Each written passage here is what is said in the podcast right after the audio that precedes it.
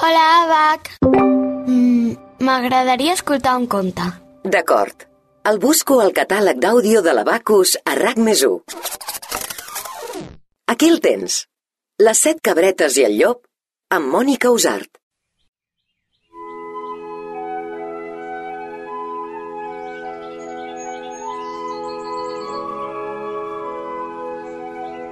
Hi havia una vegada una cabreta que tenia set filletes petites i entremaliades.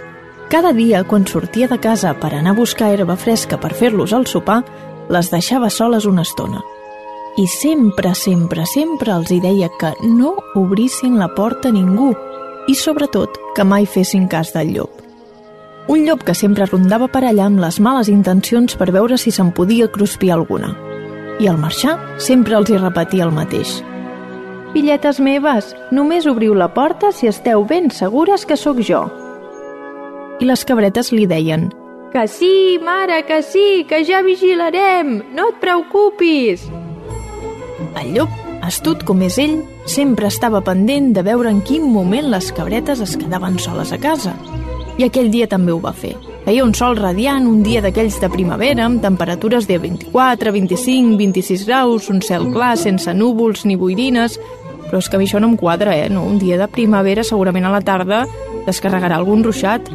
Les cabretes estaven tan contentes que es van posar a preparar un cistell perquè quan la seva mare arribés poguessin sortir totes juntes a berenar vora el riu. Però de cop i volta el temps va canviar, no us ho deia jo, i el cel va quedar tapat amb núvols espessos i grisos i van començar a caure gotes. En aquell moment van picar la porta. Obriu, cabretes, que us porto herba fresca i gominoles de romaní. Les cabretes es van esbarar molt i van començar a brincar per tota la casa ben contentes. Just quan anaven a obrir, la més petita, que era la més espavilada, va dir a les seves germanes Espereu, espereu, que podria ser el llop. Si l'obrim la porta se'ns menjarà com crispetes. Què podem fer per saber si és ell? Ensenya'ns la poteta per sota la porta.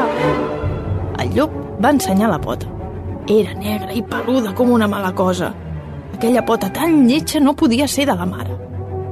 Fora d'aquí, llop dolent! Aquesta pota no enganya! I el llop se'n va anar amb la cua entre les cames.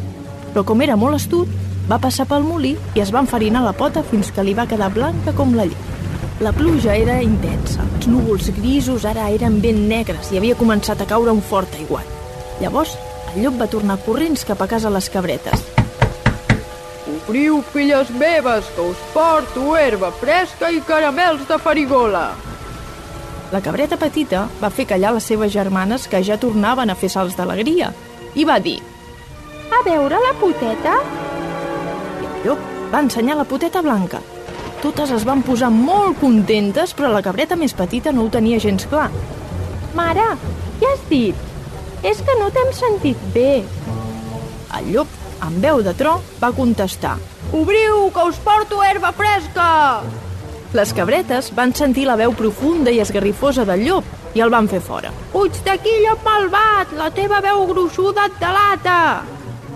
I el monstre pelut se'n va anar, però aquesta vegada directe cap a casa de les gallines, on va robar una muntanya d'ous i se'ls va menjar un per un per afinar la veu. I una vegada més, el llop va tornar a casa les cabretes a provar sort. El cel havia enfosquit. I veieu? Ara està tronant, com us havia dit ja al principi. Doncs mira, precisament, el cel en aquell moment ja s'havia enfosquit i la tempesta elèctrica estava descarregant quan el llop va picar la porta. Mentre ensenyava la poteta blanca, Obriu, cabretes, que us porto herba fresca i piruletes de gers. Les cabretes, sense pensar-s'ho gens, ara sí que van obrir la porta. I el llop va entrar d'una revolada i se les va menjar totes, menys una, la cabreta més petita. Aquesta, la més espavilada, s'havia amagat dins el rellotge de peu i allà mateix és on la va trobar plorant la mare quan va tornar al cap d'una estona. Ai, filleta meva, on són les altres? Què ha passat? Llop ha vingut, ens ha enredat i se les ha menjat. De seguida van sortir a buscar el llop a veure si encara podien fer alguna cosa. El van trobar dormit a sota d'un pi al costat del riu amb la panxa ben plena. Feia uns roncs increïbles que despertaven a tots els animals del bosc.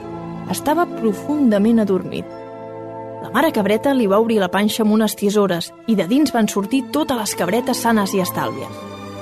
Llavors, la cabreta va manar a les seves filles que li portessin moltes pedres, fil i agulla i un paquet de sal del rebost. Ho van posar tot dins l'estómac de la bèstia i el van cosir com si no hagués passat res. Quan es va despertar, el llop tenia un mal de panxa descomunal i, a més a més, tenia molta set. Es va acostar al riu per beure aigua fresca i va caure al fons. Des d'aquell dia, mai ningú el va tornar a veure més.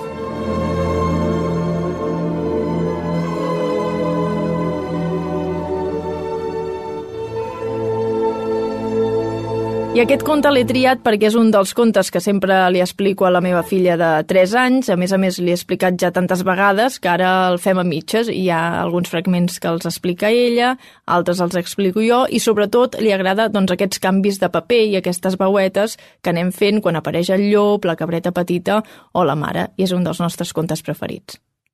A Abacus trobaràs la millor selecció de llibres infantils i d'adults. Jocs de taula, joguines i tecnologia. Un univers de manualitats i articles de papereria. Idees i propostes apassionants per gaudir en família. Abacus ho té tot. Vine a la teva botiga Abacus o visita la nostra web abacus.coop.